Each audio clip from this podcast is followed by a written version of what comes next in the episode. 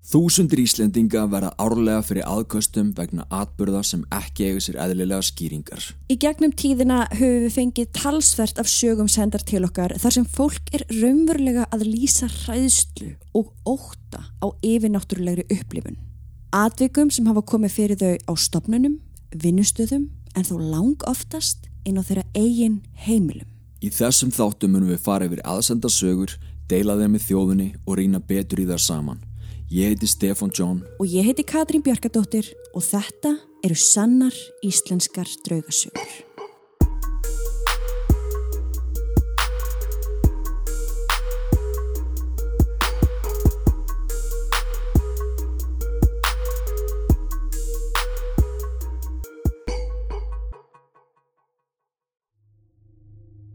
Eftirfarandi sögur eru sannar og koma frá fólki úr öllum stjættum þjóðfélagsins. Allt eru þetta mismunandi einstaklingar á mismunandi aldri. En allt þetta fólk á það sameigilegt að hafa lemt í einhverju yfirnáttúrulegu og það hér á Íslandi. Orðalagi og uppröðun hefur lítilega verið breytt til þess að koma sögunni sem best til skila en að öðru leiti eru frásagnir nákvæmlega eins og þær bárust okkur. Sögurna verða sagðar í fyrstu personu eins og þær eru skrifaðar og eftir hverja sögu munum við Katrín taka östuð spjall. Saga 1. Heimilið okkar.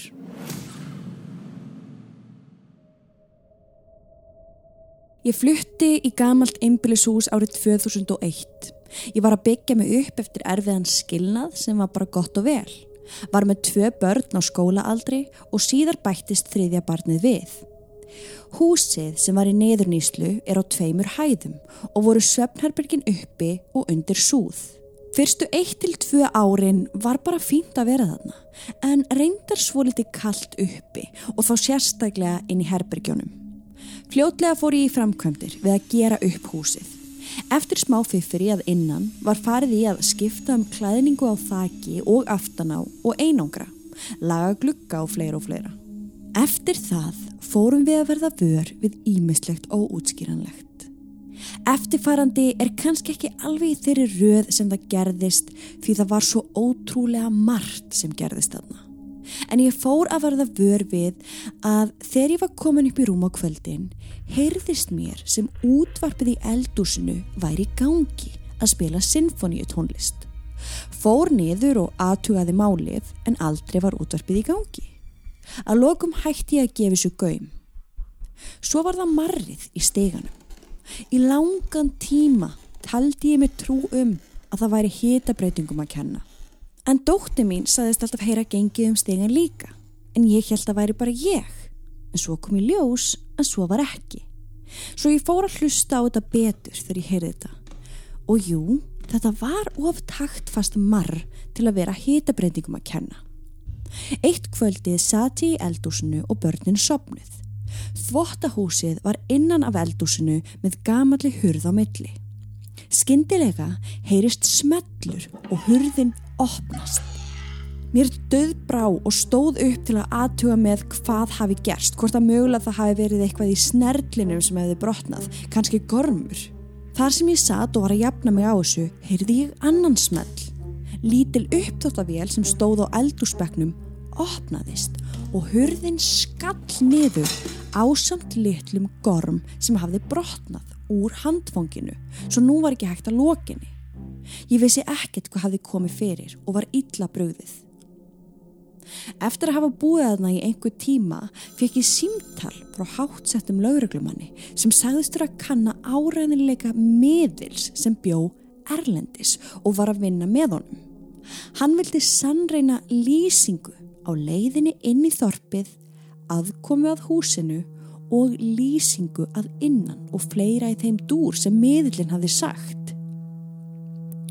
Ég tók því vel og allt reyndist vera rétt hjá miðlinum sem lýsti til dæmis einu vegg með stóru gati sem hafi verið steift upp í áður en ég flutti svo ég vissi ekki af því fyrir en ég skoðaði veggin betur.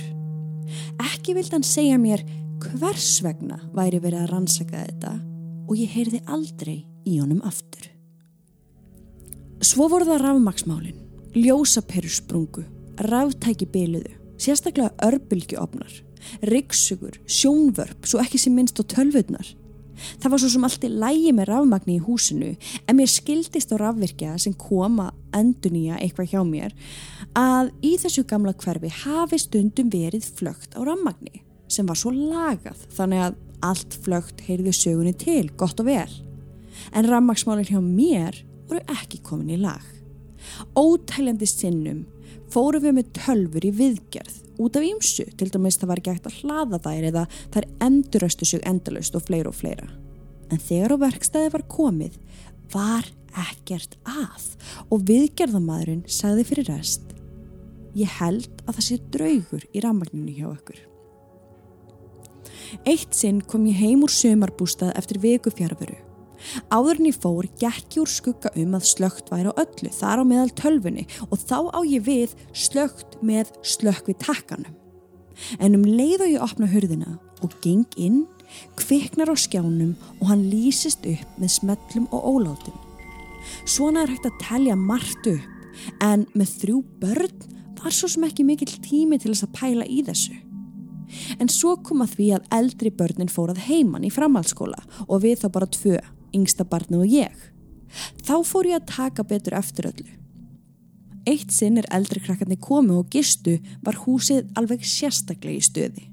Þá bæði eiðilæðist örbylgjóopnin með eldglæringum og ljósapera sprakk út á gólf í þúsund móla og marrið í steganum var mikið. Það sem ég hef síðan séð og fundið. Eitt sinn hafði ég sopnað með því yngsta eftir kvöldmatt vaknaði svo eitthvað eftir miðnætti og fer niður að tampusta mig og slökka ljósin. Svo þegar ég kem upp sé ég láfaksna veru í svörtum kubli með hættu, svona eins og munkur, beigja sig yfir barnið sem svaf í miðju rúminu. Mér verður mjög illa við og æði inn, en þá var veran horfin. Kanski var þetta munkur en mér stóð mikill stuggur af þessu. Fór ég með bænir, setti salt og kross í hornin og fleira sem er dætt í hug þessa nótt. Þessa veru sá ég svo skýrt og þegar hún sá mig, let hún sig hverfa. Einhver hafði orð á því að það væri einkennilegt að fara upp á efrihæðina því búast mætti við að það væri alla jafna heitara uppi því jú, hiti leitar upp. En í þessu húsi skiptist andrumsloftið akkurat við gólfplötuna á efrihæð. Kallt uppi heitt fyrir neðan. Niðri sá ég oft fólk út undan mér og ég vil hunda oftar en einu sinni sem var allt í lægi og bara góðir ströymar frá því. En uppi var allt önnur saga. Það herbergi uppi sem var næst steganum andaði maður frá sér svo köldu og alltaf fannst mér svo dimtar inni þótt sólinn skeni fyrir utan. Setna fannst mér þetta herbergi og marrið í steganum tengjast einhvern veginn. Dótti mín sem er mjög næm gæti aldrei verið þarna inni og alltaf mjög myrkvælin í þessu húsi og vildi aldrei vera einu uppi. Hún varð vörfi ímislegt líka. Jæja, ég gæti endalust talið upp einhver atvik en núna ætla ég að segja frá því sem ég fekk að vita um húsið á meðan í bjóðar til ásins 2013. Þess má geta að ég þekkti engan í þessu þorpi þegar ég fluttið ángað. Húsið var það fyrsta til að vera byggt þarna um 1959 og var tekin sandur úr æfagöflum kirkjugarði sem var rétt hjá til þess að setja í grunninn. Húsið var fyrst bara ein hæð og síðan byggt ofan á og búin til önnur íbúð. Húsið var einhver tíma notað sem verbúð Þegar það var verbúð kom eitthvað fyrir og sjúkrabíl og lögregla kölluð á staðin. Þar átti í hlut ungur maður sem eitthvað kom fyrir, kannski stungin og máli var þakka niður því sá var svonur lögreglumanns eða stjóra. Hugsanlega er bara opin gátt í kalda og dimma herberginu. Ekki ólíklegt að fólk hafi farið í andaglas eins og mikið væri tísku í den. Sivjaspell millir sískina átti sér stað í einum þessum herbyrgjum. Kjallari húsins er eitt herbyrgi eða hitakompa en í gólfinu er sprunga svona 2-3 cm á breytt og cirka 10 cm á lengt. Eitt sinn gaf sig vastleðsla á hæðinni. Leitast var við að sópa því inn í þvottahús og niður lúuna þar sem vatni bara kvarf niður þessa sprungu. Fannst hún alltaf svo óökulega eftir það. Svo kom að því að í fluttilóksins var bara alveg búin að fá nóg. Síðasta nóttin er mjög eftirminnileg. Allt var tilbúið fyrir flutninga morgunin eftir. Fórum frekar stemma að sofa og barni við hliðin á mér. Uppur miðnætti vakna ég við eitthvað en sopna þó aftur. Eftir einhver tíma rekk ég upp við að eitthvað dettur og gólfið fram á gangi. Ég fer fram en sé ekkert aðhugavert. Eftir þetta átti ég erfitt með að sopna og var eiginlega bara að býða eftir að fara á fætur. Meðan ég ligg og hugsaði þetta kom annar dingur eins og verið væri að henda smá klingi á gólfið. Þetta var svo hátt að barni mitt hrökk við í bólinu við hliðin á mér en vaknaði sem betur fyrir ekki. Þá fekk ég nóg og fór á fætur, tók barni niður og bjó um það í sófanum. Þrátt fyrir að átta ár séu liðin síðan í flutti ásækir húsið mig ennþann dag í dag í draumi. Alltaf sama innihald draumana en í breyttri mynd. Ég er sem sagt alltaf að flytja út en er svo sein að nýju eigendurnir koma áður en ég næja að flytja og alltaf er húsið svo rosalega gamalta innan. Tré vekkir og sterk lykt, eiginlega svona tjörulykt. Annars áttu við börnin góða tíma þarna líka því þetta var jú heimilið okkar. Það er ímislegt sem að kemur aðna fram. Mm -hmm. Fyrst til að taka fram, þá er það framkvæmdir við höfum talað um þetta áður en framkvæmdir sem eiga sér stað í húsum það verður oftast til þess að ásóknin verði meiri mm -hmm. eða bara að hún byrji ef hún var ekki áður því að andar vilja hafa hlutina á einhvern ákveðin veg mm -hmm.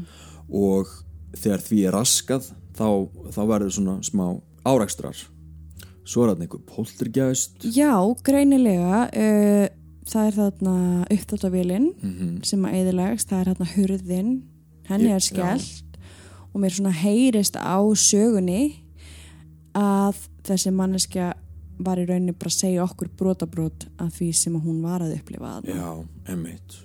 Og svo er það lauruglan sem að kemur þarna og hvað er hún að vesenast þarna? Og hvað gerist svo? Einmitt. Þú veist, þarna er eitthvað sem er bara óutskýrt og eitthvað sem er kannski bara sem á eftir að leysa og hitabreitingar þetta er mjög algengt Já. í húsum sem talin eru vera kent við draugang Já. ég tala nú ekki um sandin sem er tekin úr kirkjugarði og lagður í grunninn á þessu húsi þetta er stóð húsins og já, þetta er náttúrulega bara dæmigert fyrir draugagang og það er svo ótrúlegt að sé ennþá gert í dag. En já. þetta er náttúrulega bara eitthvað sem á ekki að gera. Næ, alls ekki og ég er bara uppskrift á reymleika já. Þannig er einhver sifjaspell sem að tengist þessu kannski ekki endilega nei, nei, nema bara... þá kannski þú veist að það var einhver misnótkunar fjölskyldi, mm -hmm. við vitum það ekki. Nei. og svo eru auðvitað draumar þeir eru nátengt í draugum. Þetta er svona undir meðutundin okkar er svo sterk og það líka bara, það komið svolítið óvart að húsið sækjana ennþá í draumi og hún sé ekki farin þegar hinnir eigendur koma inn það er eins og hún eigi eitthvað eftir óuppgert og líka þessi tjörulikt sem verðist fylgja líka Já. sem oft getur verið tengt við eitthvað neikvægt mm -hmm. tjörulikt Einmitt.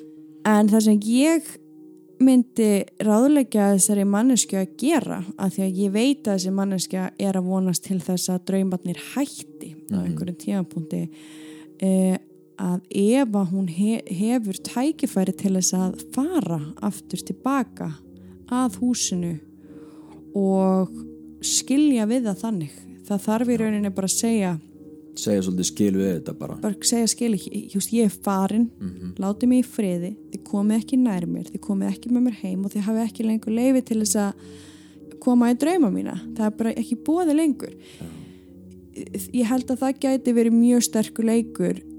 Hins vegar ef að hún hefur ekki tækifæri til þess að fara þangað að þá er hægt að gera það með ýmsun leiðum og þetta er diggur hlustandi hjá okkur Já, þannig að endilega að senda okkur bara skilabóð að þú vilt mm. að við mm. sendum þér kannski nokkra punta sem að þú gæti mjögulega gert til þess að slíta þig frá uh, þessari tengingu slíta þessa tengingu við þetta hús því þetta hús á ekki að fylgja enn þann dag í dag Hún þarf eitthvað uppgjör Já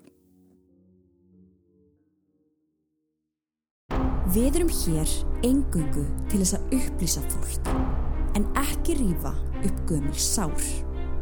Við segjum söguna eins og hún er, því hvort sem fólki líka betur eða verð, þá gerðist þetta hér. á þessu litla landi okkar. Við vorum fyrst til að fara með ykkur á staðin og leif ykkur að upplifa draugagangin með okkur í rauntíma. Nákvæmlega eins og hann er. Við erum með sönunagögn sem engin annar á Íslandi hefur náð. Það er ástæða fyrir því að við erum fremst í flokki þegar að kemur að draugagangi á Íslandi.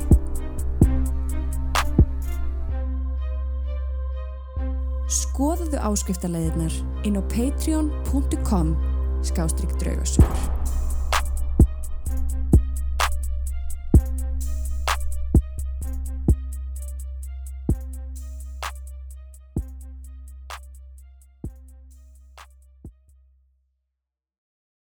Saga 2 Veran sem fylgir mér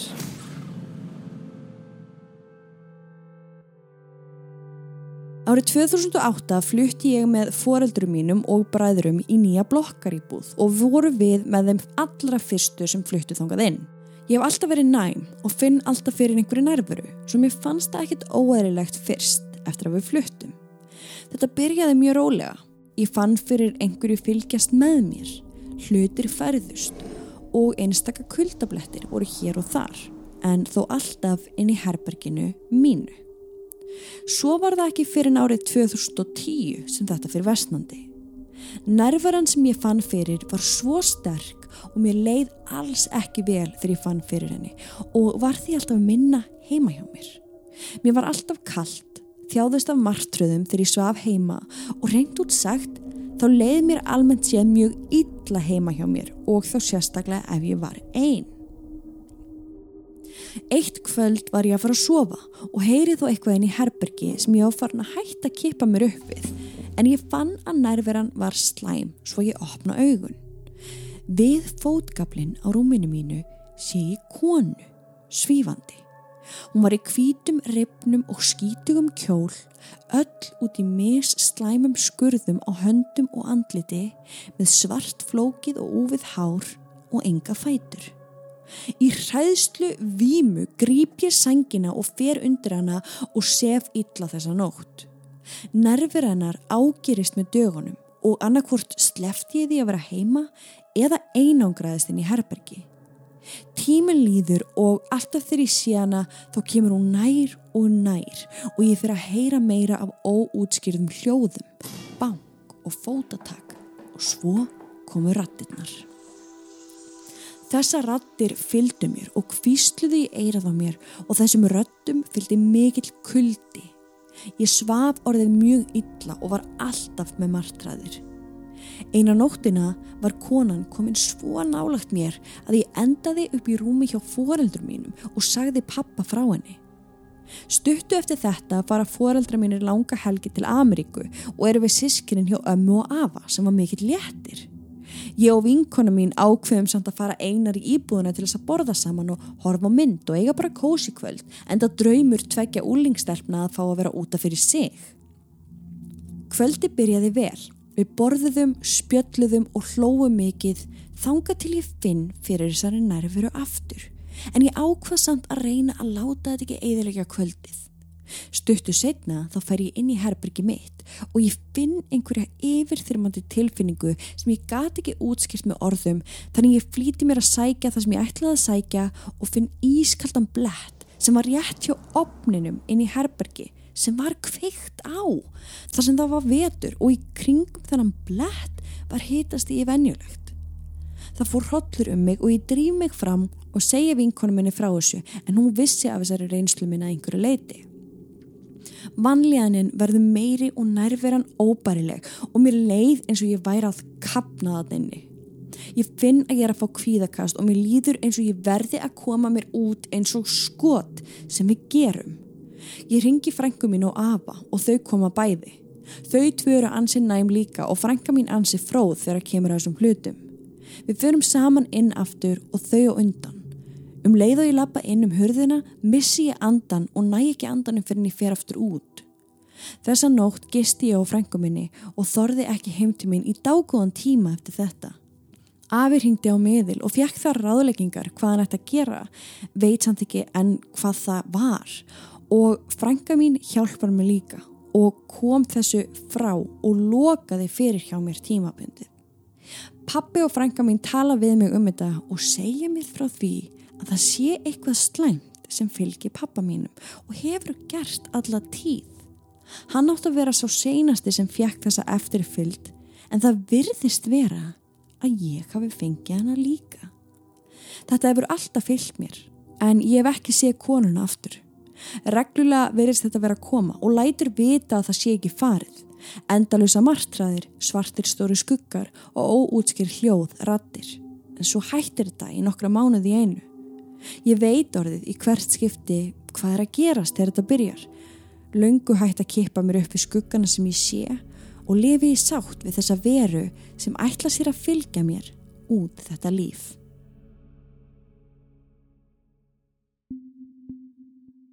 Þannig erum við að tala um fylgjur og mér finnst þetta gott að hún sé búin að taka þetta í sátt. Hún er greinlega einhvern veginn búin að læra að lifa með þessu og, og finna út hva, hvað hann getur gert og svo leiðis. Mm -hmm.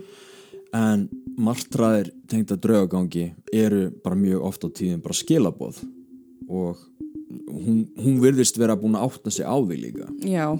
Þannig að þetta er greinlega klá hún, stelpa. grein, hún hefur greinlega haft eitthvað fólki kringu sig til þess að hjálpa sér og, og hérna þessa frængu og afan og ég menn þetta er greinlega eitthvað þekkt í fjölskyldun hennar ég veit ekki Já. af hverju samt að af hverju pappin er, er með þessa eftirfyllt og, og hvernig þær upplýsingar komist til skila að hann væri svo seinasti til þess að fá þessa eftirfyllt skrítið. þú veist, e ég segi bara það er bara eitthvað sem við vitum ekki Nei, það er nei, kannski eitthvað sem þau vita Já, og jafnvel alveg löngu, löngu aftur. Já. Einhverja syndir fæðrana eða eitthvað. þetta er merkilega að segja Mjög svo. Og það komið samt rosalega óvart allar þessar hérna, öndunar örfiðleikar sem hún er að upplifa. já, Og ég var líka alveg forvitin að veita sko hvort að hún var að upplifa einhverja svepp lömun við það. já, samlega Já, af því það var ekki skrítið. Saga 3 Dyrabjallan Ég bjó í blokkaríbúð í bakka fyrir 12 til 13 árum síðan ásamt manni og börnum. Við maðurum minn urðum bæði vör við eitthvað sem greinilega var af öðrum heimi. Einan nóttina vakna ég og sá mann standa í hornina á ganginum fyrir framann herbyrgið okkar. Ég var mjög skelkuð og vakti manni minn með látum en þá hvarf þessi vera. Maðurinn minn var svo einanóttina á leið á klósettið og lappar í fangið á manni sem hverfur svo. Eina nóttina erum við nýsopnuð og þá ringir dyrabjallan. Okkur bregður skiljanlega enda klukkan cirka þrjú að nóttu til en maðurinn minn fer til dyra. Þar er enginn og enginn í dyrasímanum. Hann leggst í aftur upp í rúm en þegar hann er nýlagstur ringir bjallan aftur. Hann stekkur upp, opnar fram og aðtugar dyrasíman en enginn er sjáanlegur. Hann ákveður því að hingra og aðtuga hvort að dyrabjallan ringi aftur en þar sem ekkert gerðist lagðist hann upp í og viti menn, bjallan ringir. Hann stekkur upp og fer beint fram á gangin og þar sem við byggum á annar hæð þá sáum við út um glugga ingangin á blokkinni ef við fórum aðeins neður í tröppunar og þar var engin. Við settumst í efstu tröppuna á ganginum í myrkrinu og byðum átekta enda glað vöknuð og skelkuð. Eftir nokkrar mínútur heyrum við dimma rödd segja reyðilega. Haldi kjáfti helvitinu. Maður minn hljóp niður og upp en það var engin á ganginum og engin hurð heyrðist lokast eða neitt slíkt. Mér var alltaf hálf kallt þarna og hrollur í mér í þessari íbúð og leið furðulega þarna. Þorði ekki að vera ein heima eða neitt sem ég hef aldrei hræðist, hvorki fyrr nýja síðar. Þarna hljómar eins og einhver reyður eða neikvæður andi sé að reyna að ná aðtiklega þeirra. Já, Og örgla bara þeirra af því að það eru væntalega fleiri íbúir í þessu húsi -hmm. og það er bara verið að ringja á bjölluna hjá þeim. já, En kannski er þetta eitthvað residual, kannski er þetta eitthvað sem er að gerast bara áfall eða eitthvað sem er bara að endur taka sig. gæti verið. Það, þú veist, ég hugsa þeirri residual Já. en svo er maður náttúrulega bara, þú veist, lendið þau einhvern tíman áður í þessu veist, er þetta eina skiptið sem þau lendi í þessu? Eða var kannski dyrabjallan stundum að dingla? Mhm. ég veit það ekki.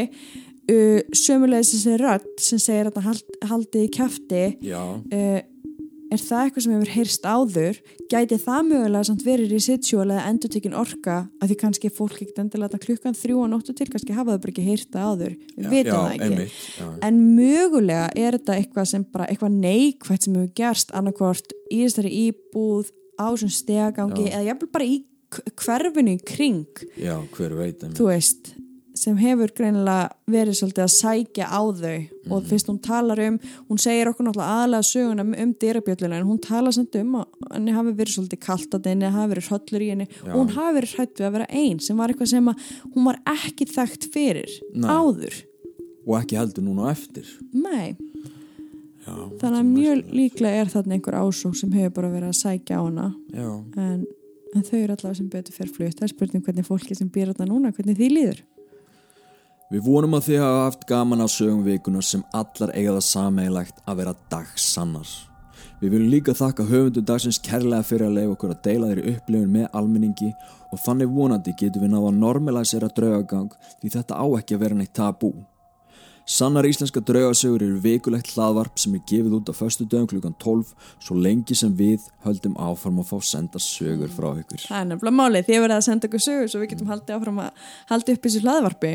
Endilega. En fyrir þá sem ekki vita þá höldum við út í podcastunni Draugasögur.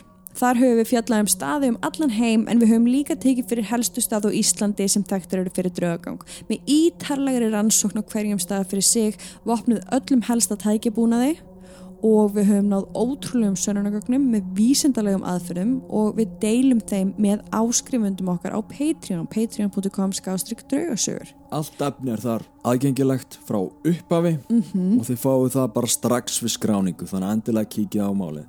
Sennilega eru margir hlustundur nú þegar áskrifundur en fyrir alla þá nýju þá hvetjum ykkur endilega að hlusta þættin okkur um höfða, kvítunarskóla, framhaldsskólan á laugum, söðugutu 2, gamla læknishúsi á Eirabakka og fleiri, fleiri staði sem þið getur hlustað á og hort á sönnunagögn okkar úr þeim rannsóknum.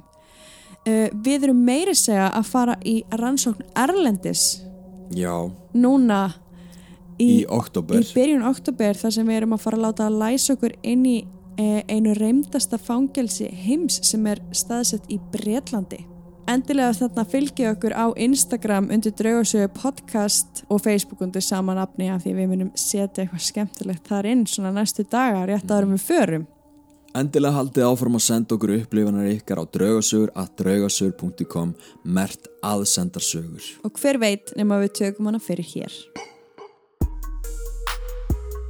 Ef þið líkaði þátturinn í dag, endilega fylgd okkur á Spotify og gjá okkur umsögn og stjórnir á Apple Podcast. Fylgstu mig á Instagram og Facebook undir nafninu Draugasögur Podcast til að missa örglega ekki af neinu. Takk fyrir og þangur til næst.